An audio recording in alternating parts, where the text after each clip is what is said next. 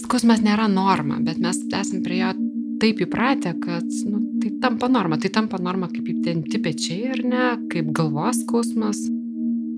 Tiesiog kažkaip privedė mus prie to civilizaciją. Ir kuo mes labiau su to susigyvename, tuo atitolstame labiau nuo kūno.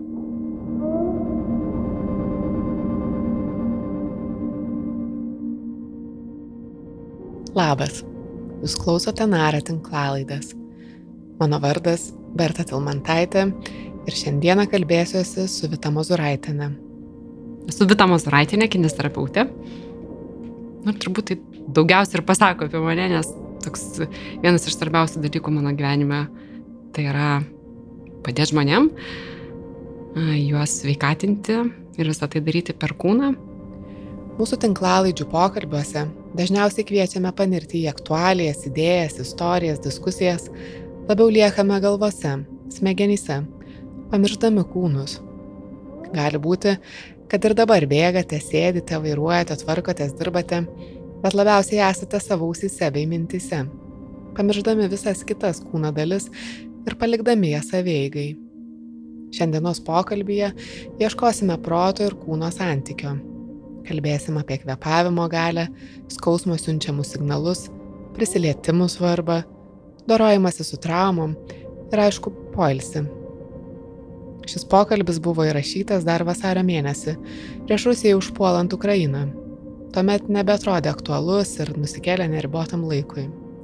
Šiandien nerimui ir įtampoms vaikštant ne tik galvose, bet ir kūnuose, atrodo verta prie jo sugrįžti.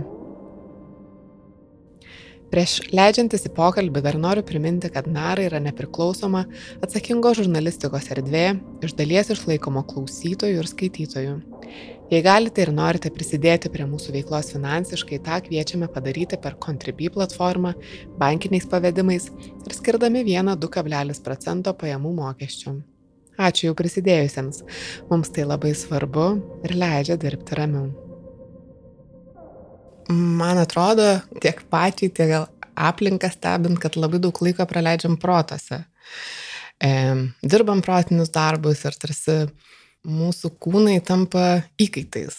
Sėdėti, stovėti, eiti, bėgti, kad mes naudojamės kūnais kaip įrankiais, pasiekti savo tikslų. Ir dažnai, nu, at galim praras kontaktą, nesiklausyti to, ko nori kūnas, nes, nu, jis turi daryti tai, ką mes norim, kad jisai darytų. Taip skaičiau knygą When the Body Says No, e, gydytojo Gabor Matė, kuris jis sako, kad medicinoje labai ilgai vyravo dualizmas proto ir kūno atskirimas, nesijant psichologinės ir fizinės veikatos tarpusavį ir apskritai labai ilgai ignoruojant psichologinę sveikatą ir jos įtaką mums. Tai čia su tokia labai ilga įžanga. Taip. E, prieinu prie klausimo, kasdien paliečiat ir pajaučiat daug kūnų. Taip. Ir galėtumėt papasakot, gal koks visgi vat, iš jūsų perspektyvos yra tas proto ir kūno santykis. Mhm. Um, daugiau susijungimo ar visgi atsiskirimo? Man atrodo, kad vis dėlto vis dar yra daugiau atsiskirimo. Nors atrodo taip savaime suprantama, kad kūnas tai nėra įkaitas mūsų, tai nėra kažkoks įrankis, tai yra tiesiog mūsų bendrininkas ir pagalbininkas. Bet man toks jausmas susidaro, kad mes tiek bėgam, lekiam, tiek tam protė esam, kad mes nebeturim net laiko jausti, kam nori pasakyti kūnas ir iš to atsiranda na, labai didelės problemos. Mes kaip ir terapeutai, kaip kinesterapeutai, tarsi dirbam tik su kūnu, bet tu matai, kad dirbant vien tik su kūnu, jeigu žmogus neišeina iš proto, nejaučia savo emocijų, jam labai sunku padėti. O tai kaip tada dirbat, kaip pavyksta mm. padėti žmogui jeigu, vat, sakot, kad kartais netgi labai sunku dėl tos atskirties, ar yra kažkokių būdų visgi prieiti ir, ir padėti? Yra ir kiekvienam žmogui tie būdai skirtingi. Kartais tikrai užtenka žmogui su kūnu padirbti, ar ne, kažkur atpalaiduoti raumenį, kažkurį sustiprinti, bet mano toks tikslas yra, kad um, žmogui gerėtų ilgalaikiai perspektyvai. Tada ta terapija tampa ir kaip mokymas, ar ne žmonių, uh, visą laiką po procedūros ar prieš aš prašau pajauskit, kaip jūs jautėtės po procedūros. Pajauskit, ką jūs jaučiat kūne, kai jūs sėdit, kai jūs einate. Ir aišku, čia yra tokie du dalykai. Kai žmogus pradeda po truputėlį grįžinėti į kūną, įjausti, jis išsigasta. Nes jisai jaučia tai, ko, tiksliau, pastebi tai, ko ne, nepastebėdavo. Nepastebėdavo tam tikrų ženklų, kuriuos jau siunčia kūnas, kad jam reikia pagalbos. Ir va tada atsiranda kelionė, kaip grįžtame į kūną. Tas vat, gal ir įdomu man, kad žmonės pajutę kūną nustemba, taip išsigąsta. Taip. Ir kitas dalykas, kas mane gazdina, gal girdint aplink, yra, kai žmonės sako, kad, pavyzdžiui, jaučiasi nepatogiai savo kūne. Mhm. Arba kad bando prisijaukinti ir pamilti savo kūną, nes, nu, vat, nemyli, nejaučia, nežinau, dėkingumą, meilę savo kūnai. Aš pati perėjau per daug skirtingų su savo ir savo mm. kūno santykių. Ir e, įdomu, kokios problemos galbūt specifinės kyla iš to, kad nejaučiam to vat, kontakto su savo kūnu. Gal tas kontakto praradimas dar netgi kažką specifiško labai um, sukelia. Pagrindinė problema tai yra, kad mes, kada nebejaučiam savo kūno, mes uždelsiam ir problemų sprendimą. Žmonės ženkliai per vėlai kreipiasi pas specialistus jau tada, kada kūnas kelbia lermą, jau kada reikia mums gesinti gaisrą. Jeigu žmonės jaustų savo kūną, tai dažnu atveju jie ir užbėgtų už akių rimtesnėm problemam. Jie ženkliai anksčiau kreiptųsi į mus, arba stebint kūną, jie išmoktų jam padėti. Va čia ir dabar. Jeigu kūnui reikia pasiražyti, ir tas žmogus pajustų esamuoju laikus pasiražytų, jeigu jam kūnui reikia atsigerti vandens, ir mes tą pajaustume, mes ir atsigertume vandens.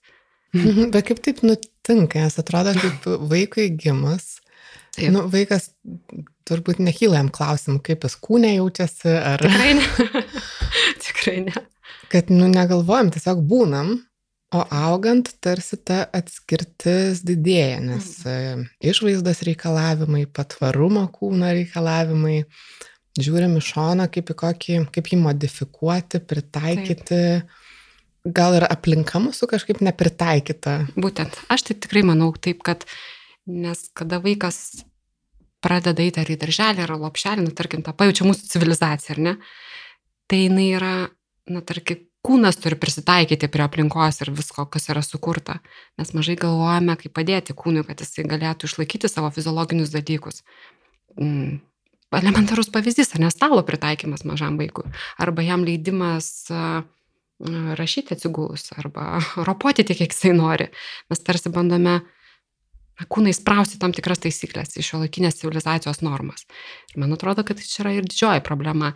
Ir tada automatiškai mes ignoruojam kūno pojūčius, nes tarsi mes neturim kitos išeities.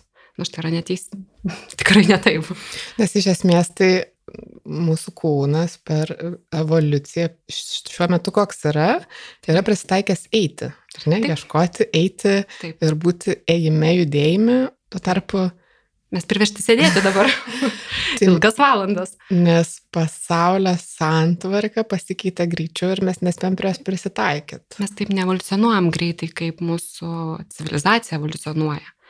Ir va čia didžioji yra problema.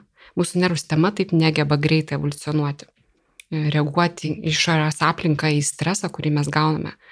Mes vis dar esame rinkėjai ir medžiotojai.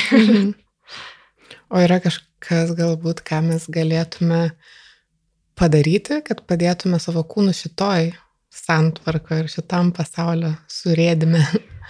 A, čia toks, aš kasdieną girdžiu šitą klausimą iš klientų, iš pacientų ir tokio vienareikšmiško atsakymo nėra. Nėra. Bet kaip ir jūs pasakėt, mes esame pritaikyti eiti. Tai tas universaliausias patarimas tai yra vaikščiokim daugiau, kriname ore. Mhm. Ir jau mūsų kūnai kitaip jausis.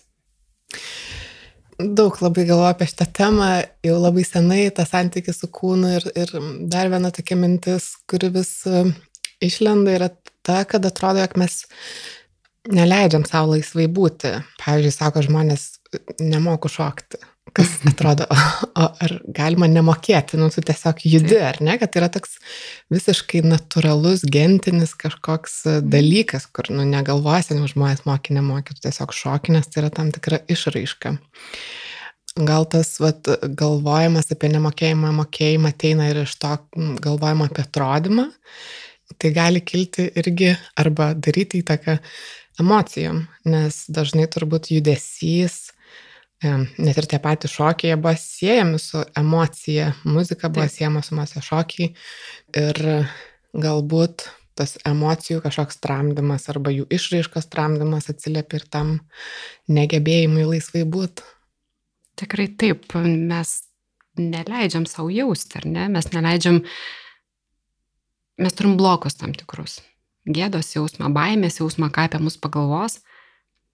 Ir dažnai, jeigu mes pastebėtume, kad, na ir mums visuomenė, ne, kad ir tėvai sako, išsitiesk, laiky galą pakeltą, atloš pečius, tarsi tai yra tokia stipri norma, kurioje mes turėtume būti, bet jeigu mūsų kūnas tuo metu nori verkti ir liūdėti, tai mes gūžiamės, ar ne, mes norim kamaliuką susisukti ir mes to neduodam kūnui, natūraliai vyksta procesai, kurie nėra primtini jam. Jau tai iš karto yra signalas, kad mes neįsiklausom, ar ne. Ir iš kitos pusės kartais mes per kūną galime ir tą mūsų būseną keisti, ne, jeigu mes norime eiti į sceną ir turim būti pasitempę ir būti euforijai tam tikroj, tai mes tikrai galim išnaudoti kūną ir sušokti kažkokį pergalę šokį ir pakelti rankas į viršų ir atsilošti ir jau tai pakeis mūsų būseną. Tai jūsų berta tas samprotavimas apie šokį, kad mes va, tarsi neleidžiam savo išreikšti, tai labai yra teisingas. Ir tik sekantis klausimas, kaip tą pakeisti, ar ne, kai mes turime tiek įsitikinimų ir blokų visuomenėje. Nes ir vaikai labai tramdami tyliai būti ten ar... ar labai skaudi tema apie vaikus. Taip. Nes aš atsimenu, kaip mano dukra pradėjo eiti į mokyklą ir negrįžus mažesniam broliui sako, tu žinai, mes pusvalandį laiko turime sėdėti ramiai. Ir mano sunus sako, tikrai sėdėti ramiai? Oho. Ir aš mačiau vaiko nuostabą, kad tai jam yra neįmanoma. Ir staiga turi tai tapti jam priimtina. Ir va tada vyksta perversmas, ar ne, kūnė jisai bando prisitaikyti, yra laikysinos tada iš karto natūraliai pokyčiai tiek dėl emocijų, tiek dėl to, kad jam reikia taip sėdėti, kinta kvepavimas, mes nustojame kvepuoti pilnais plaučiais ir diafragma ir tas ratas susisuka ir kūnas jisai nuolat turi prisitaikyti. Ir mes prarandam tą kompensacinį mechanizmą ir iš to atsiranda skausmas. Hmm.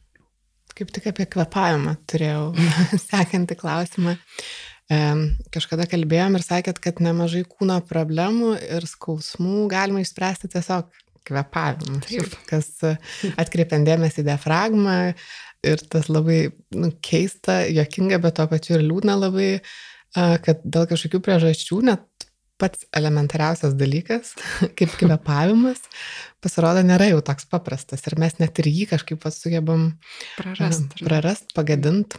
Ir tą jūs vat, sakot, kad nutinka dėl būtent to emocijų ir buvę tramdymo?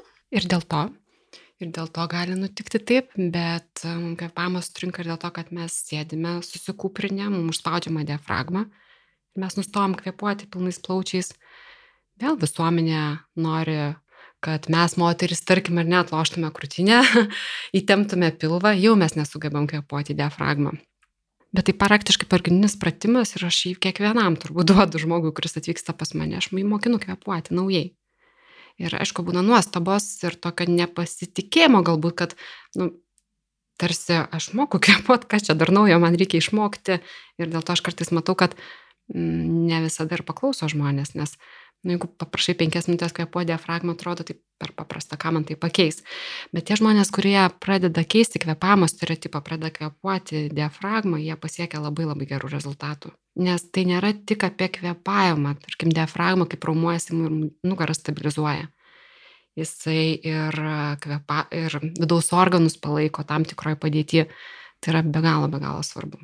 O galėtumėt daugiau papasakoti, nes aš irgi, kai, pavyzdžiui, mokiausi laisvę nardymą, tada, nu, tada sako, o įkvėpkite pilvą, į krūtinę ir į pečius. Man pirmą kartą, dar į pečius galiu įkvėpti, nu, kad prisisotinta degonės.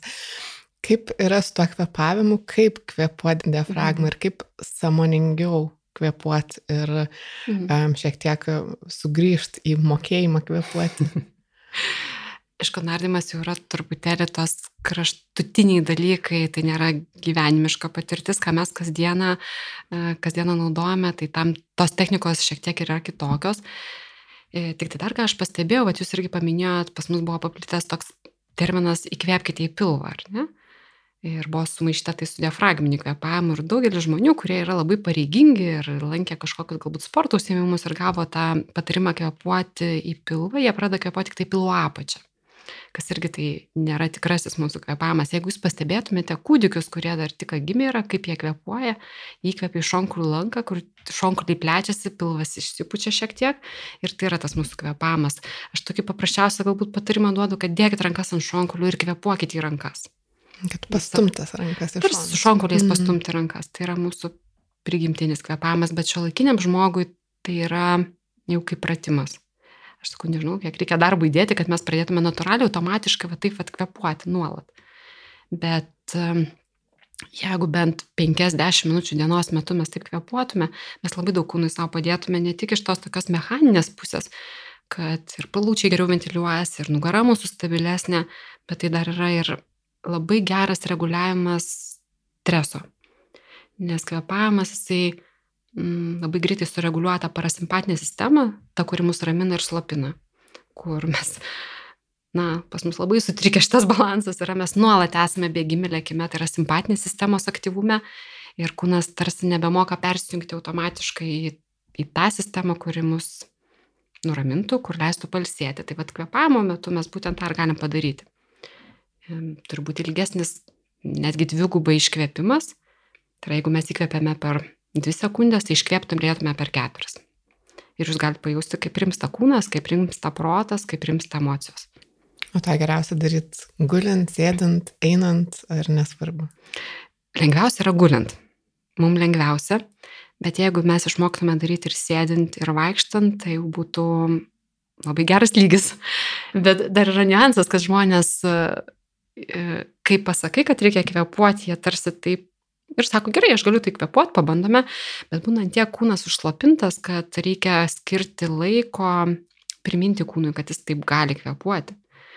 Mes dažnai pirmiausia turim atlaisvinti diafragmą, spazmus nuimti nuo jos ir tada būna toks gilus, gilus įkvėpimas ir žmogus po procedūros ar rašo ar kitą kartą pas, pasisako, kad nu, tą dieną man norėjosi labai giliai kvepuoti, tarsi kūnas norėjo atsikvepuoti už prarastą laiką.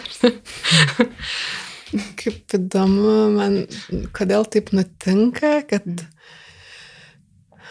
kad tarsi kūnas turėtų žinot, kas jam yra geriausia, ar net turėtų žinot, kad jam vat, šitaip sveikiausia kvepuoti, bet to nedaro. Man šitas klausimas, aš jį nuolat, aš kokiuose konferencijose ar seminaruose dalyvauju, šitą klausimą visiems užduoda nuolat, man įdomu išgirsti, vat, kaip samprotavo žmonės ir, ir nėra turbūt tokio vieno atsakymo. Nu, man tik toks jausmas sudaro, kad vat, mes kūną taip ir naudojam kaip įrankį, ar ne, taip kaip mums reikia, kaip jisai turėtų vat, prisitaikyti, mes jį tarsi priverčiam prisitaikyti. Ir kūnas turi tų adaptacinių galimybių labai daug, nes mes kitaip neišgyventume. Ir jisai mums tarnauja taip. Bet ateina ta riba, kada jisai sako, nebegaliu, jau man reikia palisėti.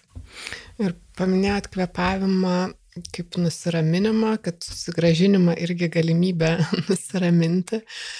Mm, ir iš čia man kyla klausimas apie stresą, kuris labai dažnai yra įvardinamas kaip visko priežastis. tai visas lygas nu, visas lygas. Ir mm, kad iš tikrųjų labai daug su tuo siejama, su stresu arba kartais su pykčiu, jeigu jo nemoki išreikštų mm. laikai, bet vis tiek dažniausias tas žodis, kiek skaičiau, ten ir apie kūną, apie įvairias tas kūno būsenas, traumas, lygas autoimuninės, pavyzdžiui, mm. kad mm, dažnai stresas yra to priežastis ir kūnas pradeda tarsi atakuoti pats save ir gali pažeisti ir imuninę sistemą, ir Taip. nervų um, sistemą. Um, aš pati turėjau tokią situaciją, kai nuėjus pas gydytoją, e, man sako, tavo kūnas atrodo kaip avarijos rimtos, sumaitotas visiškai. Nors tai mhm. buvo tiesiog psichologinis, nu, vat pats kūnas save sumaitojo, e, nors atrodo, kad tai buvo fizinis kažkoks, e, fizinė mm, autoįvykio ar kažkokio įvykio padarinys. Tai ką iš tikrųjų stresas daro mūsų kūnams iš jūsų perspektyvos, ką jūs mm. galit pastebėti ir pamatyti? Stresas, jisai pažydžia labai daug sistemų kūne. Bet dar jeigu taip apie stresą kalbant, tai mes tarsi suprantam, kad stresas tai kažkoks tokio, kas mus na, įvyko įvykis kažkoks ar ne, ir mes susierzinom, supykom ir, ir turim spręsti dabar problemą. Bet iš tikrųjų mes turim streso įvairių rušių dabar. Tiek cheminis stresas, tiek emocinis, tiek fizinis stresas. Taršos stresas, daug informacijos stresas, ar ne? Ir vis, visų šitų stresų turi kūnas dorotis, netgi ir geros emocijos tam tikrą prasme, jeigu jos yra aukštos, tai yra kūnui stresas. Ir kas yra stresas, tai mes mm, patenkam į tą režimą mm, fight arba flight, ar ne? Kada mes, na, tarsi jeigu taip žiūrint iš tų senų laikų, kam buvo sukurtas stresas, tai jeigu mūsų užpuola žvėris ar ne, tai mes susimobilizuojam ir bėgame. Dabar streso rušių daugiau, bet kūnas vis tiek turi mobilizuotis, jisai turi padažinti kvepavimą, padažinti širdies ritmą, kraujotaką nukreipti į raumenis ir daug, daug procesų. Hormoninė sistema mūsų veikia. Ir jeigu mes nuolat gaunam stresą, mes liekam tam lėtiniam stresui ir visi fiziologiniai parametrai lieka būtent va tokiam fone. Tai gali pažeisti labai daug sistemų. Ir taip yra. Ir tas toks, kad mes visos lygos nuo streso tai yra teisybė, tik jau gal mes truputėlį pavargom nuo to sakymo, nes gydytojai tarsi tik tai apie tai ir šneka, bet mums neduoda įrankių, ar ne, kaip su juo kovoti, ir mes iki galo net nesuprantame, nu, kame tas stresas, kai žmonės sako, aš visai nestresuoju, aš galiu, nu, ramiai, pas mane jau vaikų užauginti, aš jau ten, bet, bet nepastebi kitų streso šaltinių, gal taip galima pasakyti. Ir kvepavimas tai yra tas toks pirminis dalykas, kaip mes galime padėti. Jeigu galima net išbandyti labai paprastai ir pastebėti, kaip reaguos kūnas, jeigu, na, tarkim, mes važiuojam ir kažkas tai mūsų erzino kelyje, ar ne? Ir mes pabandykime įkvėpti į diafragmą, iškvėpti iš dvigubai lėčiau ir mes pamatysime, kaip rimsta mūsų tiek pulsas, tiek kvepavimas, tiek mintis, tiek atitolsta ta pati situacija, netokia svarbi tampa. Mm. O kaip pradėti atgavinėti e, santykių su kūnu ir susidraugauti su juo, kaip pradėti pabandyti va, įsiklausyti, perskaityti kažkokius ženklus, pastebėti, kad gal visgi kažkas yra negerai, į ką atkreipti dėmesį. Aš tai sakyčiau, pirmas žingsnis tai turi būti, mes turim pradėti tiesiog stebėti save. Ir kartais užtenka čia kaip dėmesį skiriame kokiam ar vaikui, tarkim, ar ne, tai jeigu mes jį atkreipiame dėmesį, kartais nieko net nereikia daryti. Rimsta ir vaikas ir, ir problemos sprendžiasi, tai lygiai taip pat su kūnu. Jeigu mes pradėtume stebėti ženklus, kuriuos jos siunčia ir jų net pradžioje net neanalizuoti, o tiesiog pastebėti, kur man skauda, kur man įtempta, kas vyksta su mano kūnu, jau ateitų tam tikri atsakymai. Tik man baisu kartais, kad kai pradedi stebėti, tai tada, o ir ten skauda, ir tas negerai. atrodo, kad gal geriau nestebėti. Tai, ir bėgti nuo jo, taip. Nes gal ir čia bus blogai, gal ir anas blogai, ir tada irgi į kitą kraštutinumą galima nupult, kad tu jau čia tą viskas. E, o čia yra du, du kraštutinumai, kuriame, kuriuose mes kaip e, terapeutai turim išlaviruoti. E, negalim leisti žmogui labai toli pabėgti nuo kūno ir negalim taip paranoiškai žiūrėti kūną. Jeigu mes pastebim kažkokius tokius niuansus, tai ar skausmą, ar maudimą, ar kažką, na tarsi atsipalaiduoti jame, nes ne, ne dar labiau tempinėti visur ir, ir, ir įjungti mintis, kas čia mums vyksta, bet pabandyti tame skausme atsipalaiduoti. Ir tada įvyksta stebuklai, dažnai atveju skausmas tiesiog išnyksta savaime. Apie fizinį prisilietimą kalbant, tas kontaktas, odos prie odos susilietimas. Iš esmės kūdikis neišgyvent, ar ne, jeigu... Taip, nesivysto be to. Ne, neturėtų to kontakto su saugusio oda kūno šilumą. Bet vėlgi augant, ypač vat, mūsų aplinkoje galbūt, ar ne, e, šiaurietiškesniai, um, galim būti gana šaltoki ir palaikantis atstumą, O dabar pandemijos metu tuo labiau tarsi turim saugotis. Bet man įdomu dar daugiau galbūt apie tai pakalbėti, ką tas fizinio kontakto trūkumas, kaip tai atsiliepia kūnams.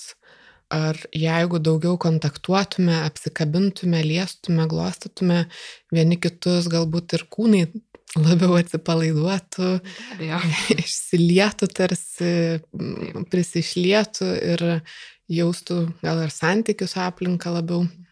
Jeigu taip žiūrėt labai labai paprastai ir, ir fiziškai, ir net tai mums kontaktas jisai per odą stimuliuoja nervų galūnėlės, nervų receptorius ir siunčia signalą į galvos smegenis ir galvos smegenis tada gauna tam tikrą žinutę, ar ne, kad e, tu esi mylimas, tu esi saugus, tau viskas gerai, čia yra savas žmogus. Tai paprastuoju būdu, ar ne? Ir nejučia mes atsipalaiduojame. Ta aplinka mus skatina atsipalaiduoti, mums nereikia kažkaip dirbtinai tada kūną versti atsipalaiduoti. Įdomu, kad jo, kad tai suteikia saugumo jausmą ir tada tą tokį priklausimą labiau aplinkai, ten, net ir vienatvės turbūt jausmą mažinantis dalykas, tą priklausomumą, kuris labai svarbus.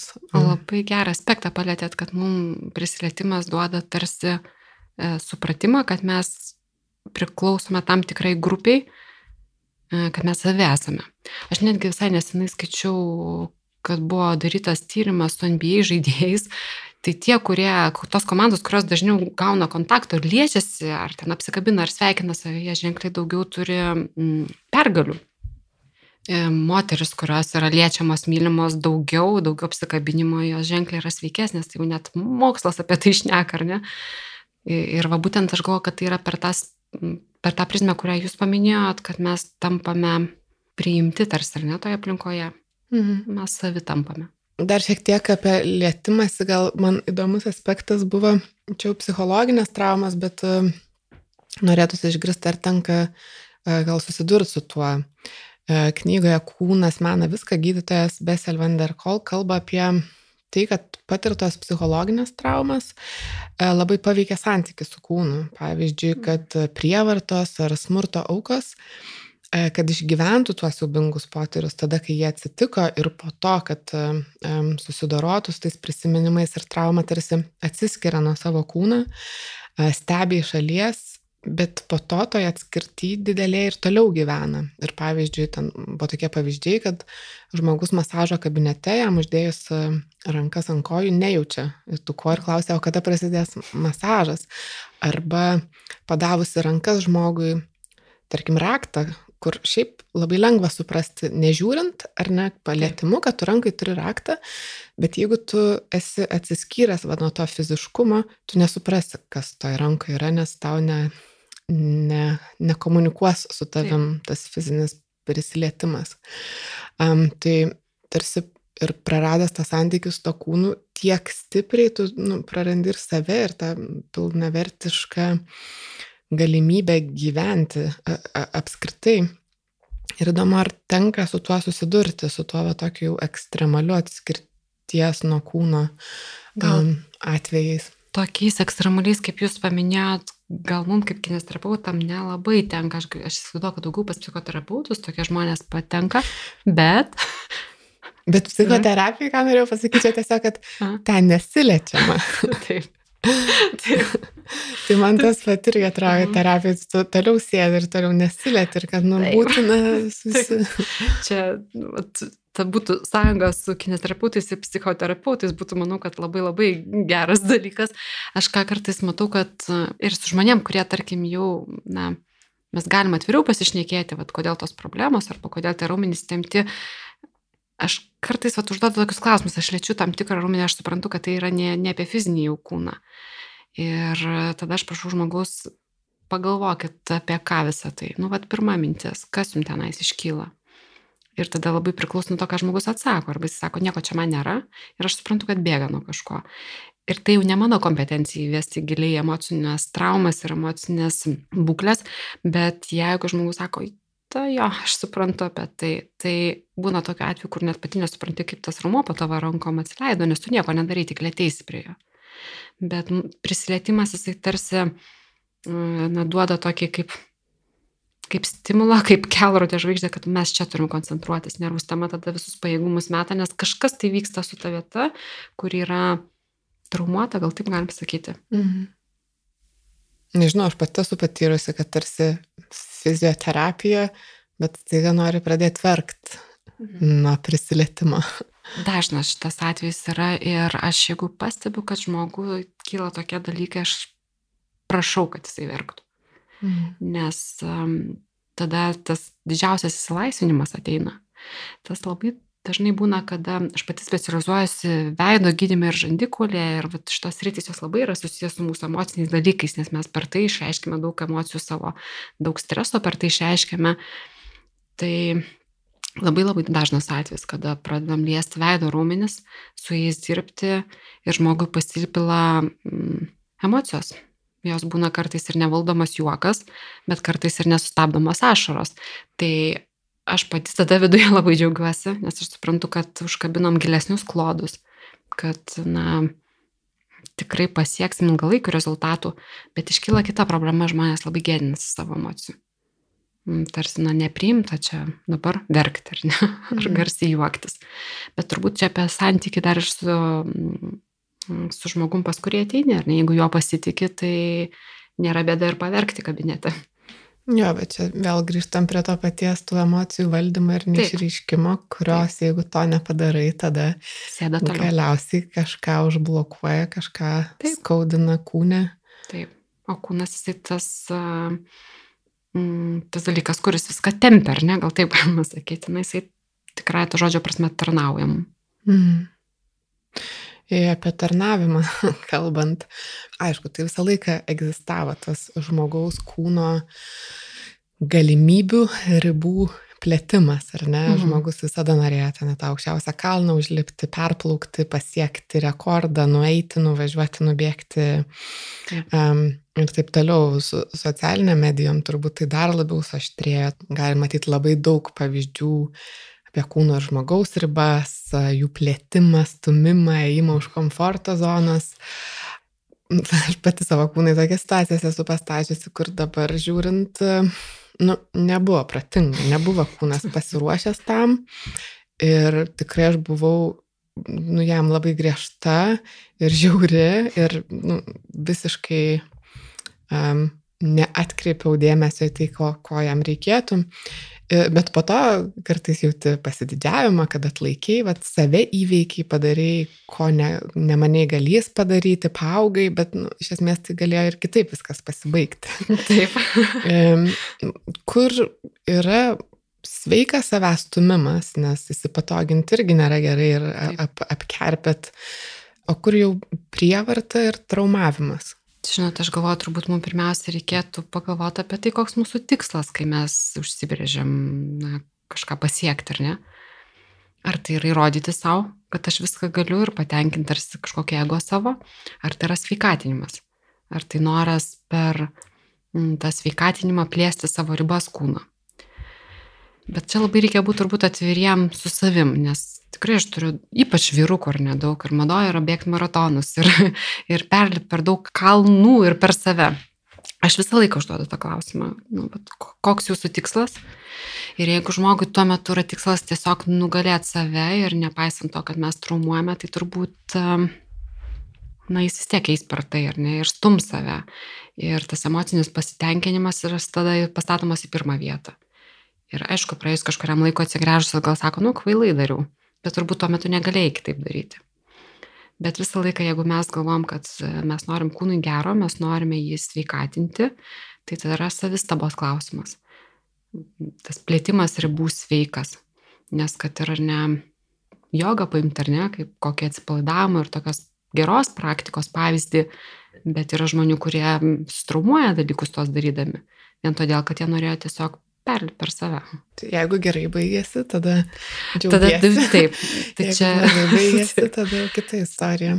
Čia turbūt ir charakterio labai ir nesavybės, kaip žmogus save, na, kiek jis linkęs rizikuoti. O jeigu visgi atsitinka tos fizinės traumas, kaip elgtis tada? Aš atsimenu mūsų pirmą sutikimą, kai aš atėjau su savo patemta kojam ir klausiau, ar man ją saugot tai atsakymas buvo, kad nereikia saugoti ir kad toliau daryti, ką darai, neperstampant, mhm. nes jeigu pradėsiu saugoti, gali atsirasti daugiau problemų. Aišku, tai priklauso nuo to, kokia yra būklė tuo metu. Bet dažnu atveju, jeigu jau žmogus pats atėjo pas kinesterapeutą, tai mes prašom, kad nesaugotų ilgai. Dėl to, kad tai, ko mes nenaudojame, mes prarandame. Ir kūnas tada ieško išeičių, kaip kompensuoti kitais raumenimis ar kita pusė raumenų ir iš to kyla ilgalaikės problemos. Nes kas įdomu, kad jeigu įvyksta trauma, tai tą vietą nervų sistema tarsi išjungia, jeigu taip galima pasakyti, ar neduoda palsėti kūnui. Bet kadangi mes tų mikrotraumų turime daug, kaip šnekėjom, ir streso, ir mikrotraumų, kažkur paslystam, na, vat, reikia kūną atsistatyti, reikia adaptaciją vėl įjungti, tai jis neturi kada sugrįžti į tą pirminę traumą. Ir dažnu atveju pas mus ateina žmonės, kurie jau turi mm, skausmus, mes taip vadinam antrinius skausmus, nuo antrinių problemų atsirandančius. Tai yra nuo to, kad kūnas ilgą laiką kompensavo pirminę bėdą. Mm, pavyzdžiui, galit gal konkretų kokį nors pavyzdį, ar ne, kad suprastume? Dažniausiai mes turbūt sutariam su nugaros skausmais, ar ne? Visuomenė beveik visi skundžiasi nugaros skausmais. Tai tas toks pavyzdys, kada na, mes, tarkim, paslydom ar pargriuom ar kažką sunkiai kėlėme ir pastempėme slankstelius, tarkim, atsirado mikroišvarža ar pastempėm raiščius nugaros. Ir nervų sistema, kad slopinti uždegimą, jinai išjungia giliuosius raumenis. Bet toj vietoje jinai apriboja, apriboja veiklą kad gytų ir sveiktų. Bet mums vis tiek reikia sėdėti, vertikaliai mums reikia eiti, tai tada jungiami yra paviršiniai raumenys, kurie yra labai spazmuojami ir ilgą laiką taip ir būna. Ir kūnas, jeigu jisai nesugrįžta atgal ir vėl neįjungia gilių raumenų, mes turim nuolatinį ilgalaikį spazmą nugaros. Ir va čia jau tada mums pradeda skaudėti nugarą. Ir tada skausmas būna ne trauminiai vietoj, mums neskauda išvaržos arba gilėsančius lanksnelį, bet mums skauda tuos įtemptus raumenis, kurie turėjo kompensuoti mm, giliuosius raumenis. Ir jie vieną dieną pasako, žinai, man jau per sunku dirbti už visus ir atsiranda skausmas. Tai va čia toks tas mechanizmas yra dažnas iš tikrųjų pas mus kūne. Kiek svarbus e, kūnui yra poilsis ir miegas? Mes kalbėjom apie fizinį aktyvumą, bet kiek svarbu yra ta visiškai atsipalaidavimo mm, būsena. Ar tai gali būti pagalba? Vienareikšmiškai. jeigu žmogus sutvarko va šitus va režimus, tai į savaime pradeda sveikti. Tik tai miegas ir poilsis skirtingi dalykai yra. Mes miegam, mes turime miego tam, kad regeneruoti. Ilsėtis turime tam, kad atsipalaiduotume, kad mūsų raumeninas palsėtų. Ir dar, kas vat įdomu, kad kartais mes kūne net nebesuprantame, kada rumuo yra atpalaiduotas, kada įsitempęs. Prarandam tą pojūtį. Ypač veide. Ypač veide, pečiuose. Mums tarsi tar, tampa norma įtemptas raumuo, va, ta tokia įtampos būsena. Ir žmogus sako, ne, tikrai pas mane viskas yra gerai, pas mane neįsitempia, tu lėti ir tenais net raumens jau konsistencijos nebėra, ne? Tai va šitus dalykus, kada prarandame, jau, na, tai signalizuoja, kad žmogaus poilsio režimas yra labai sutrikęs. Jau kūnas nebesugeba ateiti į poilsio režimą, jis nebesugeba taip atsipalaiduoti. Mhm. Tai koks turi būti poilsis, nes dažnai kalbam apie aktyvų poilsį. Ar yra kažkokie būdai, kaip va, iš tikrųjų pailsėti ir atsipalaiduoti ir kaip e, žinot, kad jau atsipalaidavai, nes jeigu jau tiek esi įpratęs prie to įsitempimo, iš kur žinotų, gebė atsipalaiduoti ar ne. Kalbam apie apie poilsį kaip užsitarnautą kažkokį dalyką, nors tai turbūt turėtų būti nu, kasdienis, norma. jo, kasdienė norma. Ko reikia kūnui, kad jisai iš tikrųjų pailsėtų ir atsipalaiduotų. Tai iš tikrųjų atpalaiduoti kūną, va, iš tos tokios mechaninės pusės, kaip raumens atpalaidavimo, tai yra daug būdų. Ir, ir žmonės iš tikrųjų turbūt jaučia, kas jiems labiausiai na, patinka ir tinka, bet problema yra, kad neskiria dėmesio, ar ne? Raumenys labiausiai atpalaiduoja, tai šiluma, šilti dalykai, šilti, drėgni dalykai. Tai taip, galim pagalvoti apie dušą karštą vieną ar ne, bet mes galim turėti ir intenciją tik tai nusiprausti arba pastebėti ir kaip mūsų raumenys reaguoja, tai kaip jie atsipalaiduoja. Kitiem galbūt užtenka ir paklausyti ramią muziką ir atsipalaiduoti. Meditacija, kvepamas, daug daug yra dalykų, tik tai mm, reikia skirti tam laiko. Mm, pajausti atpalaiduotą rumens būseną, ypač tas yra svarbu prieš miegą. Nes jeigu mes užmiegame įsitempę, sukandę dantis, įtemptų kaklų, mes taip visą naktį ir pramiegosime. Dažnu mm. atveju. Tai irgi nebus nei poilsio, nei mm. atsipalaidavimo. Ne. Žinot, mes dar taip juokavom, kad yra miego traumos, ar ne? Žmogus sako, miegojau ir atsikeliu su suktu kaklu. Kaip taip gali būti, ar ne? Ja. Tai va čia yra apie tai, kad mes užmiegam su įtemptais rumenimis, tada kūnas visą naktį bando ieškoti pozų, kaip tarsi savo palengvinti ir nebepavyksta to padaryti. Ir mes net neišsimiegame tada. Mm, kaip žmonės sako, aš miegu 8 valandas, 10 valandų, bet aš atsikeliu pavargęs. Mhm. Tai čia yra būtent apie tai, kad kūnas net miego metu jisai turi galvoti, kaip išgyventi ir ne, ne, ne kaip regeneruoti viską, kaip atstatyti jėgas, bet kaip išgyventi. pradėti kvepuoti dabar reikėtų. Taip, jau dabar. E, pasijudinti daugiau ir turbūt įvairiau ir keiščiau, kaip Taip. nesam įpratę judėti, rankas, kojas, nugaras, vaikščiot e, daugiau. Taip. Paieškot būdų atsipalaiduoti. Ir stebėti save. Ir stebėti save. Ar yra kokie nors, ar, ar tai yra visiškai tokie skirtingi dalykai, ar yra kokie nors va, tie dažniausiai pasitaikinti signalai? Kad kūnui jau reikia pagalbos? Mhm. Tai pirmasis signalas tai yra skausmas. Na, iš tikrųjų, skausmas jau jisai duoda žinoti, kad kažkas yra ne taip. Bet dažnai skausmas yra nu, irgi neigiamas, ai, praeis arba sportininkams net per skausmą vis tiek toliau turi daryti, yra spaudžiama, kad tarsi jeigu mm, silpnumo ženklas, jeigu pasiduosi skausmui, kad nu, turi toliau e, darbuotis ir kažkaip jis praeis ir, ir tiek. Ir nekreipiamai tai dėmesio labai mhm. daug. Tada mes sukūrėm labai daug kompensacinių mechanizmų. Skausmas nėra norma, bet mes esame prie jo taip įpratę, kad nu, tai tampa norma. Tai tampa norma kaip įtenti pečiai ar ne, kaip galvos skausmas. Nu, vat, tiesiog kažkaip privedė mus prie to civilizaciją. Mhm. Ir kuo mes labiau su to susigyvename, tuo atitolstame labiau nuo kūno. Ir išgeriam nuskausminamųjų. Taip. Taip. Galbūt vėl čia, žinot, kaip sakom, kodėl mes tai priėm ar ne prie to kūno atitolimo, gal tai irgi yra mintis, kad na, atsirado tarsi priemonės, kurios padeda užbukinti kūną, ar ne? Ir kūnas sako, nu tai, ką jeigu tu man vis tabletę kažkokią, tai aš to ir nebesiūsiu tų signalų, kol galų galiai ištinka, na, rimtos traumos, rimtos bėdos. Hmm. Nes nieks nesitinka per dieną. Man dažnai klientai sako, viskas man gerai buvo, bet vieną dieną taip pradėjo skaudėti nugarą, nieko aš nepasitempiau, nieko nepasidariau. Aš visą laiką panoju, kad ne, tai nebuvo per vieną dieną, tikrai nebuvo per vieną dieną, tik tiesiog jau ta užteko to tokio plauko, jau tik taip per, na, bet nutrūko tas plaukelis ir, ir, ir jau tada pasipylė visa grandinė kūne.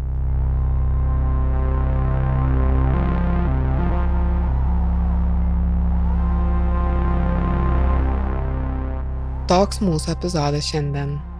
Ačiū, kad esate kartu. Jei turite klausimų, pastabų ar pasiūlymų, galite parašyti į nara.nara.lt. Kviečiu užsukti į Narą svetainę. Ten rasite šio epizodo fotografijas bei rekomenduojamų skaitinių sąrašą. Tinklalaidės muzikos autorius Martinas Gailius, montažo autorius Adomas Zubė. Ačiū jiems. Mūsų kontribį adresas yra kontribį.com pasvirasis brūkšnys nara.